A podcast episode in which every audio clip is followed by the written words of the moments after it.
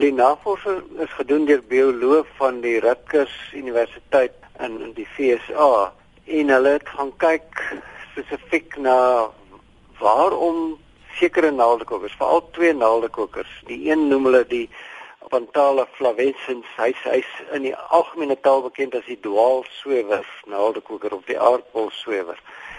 En uh, die ander een is 'n groen naaldekoker. Hoekom hulle so ver en wyd versprei oor die aardbol voorkom?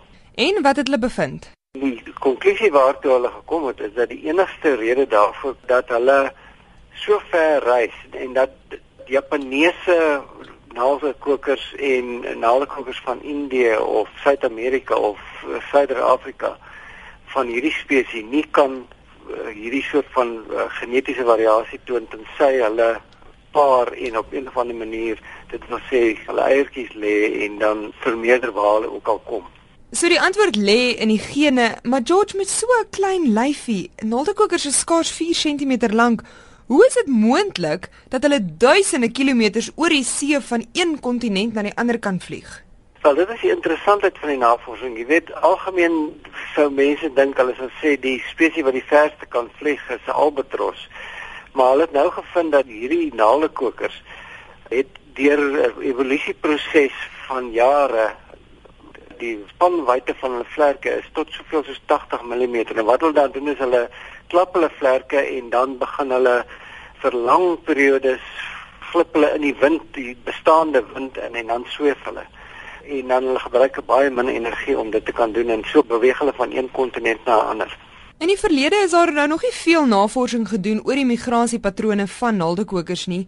So daar sal seker nou nog baie navorsing gedoen moet word om hierdie bevindinge klinkklaar te bewys. Ja, inderdaad, as jy na enige voorbeeld gaan kyk, dan kan jy baie vinnig sien daar's baie duidelike roetes al bepaal deur voelkenners van trekvoors want hulle kan ringe om hulle pote sit en allerlei uh meganismes om te kan bepaal waar hy vooropgestyg het en waar hy op die einde beland het gaan oorwinter het.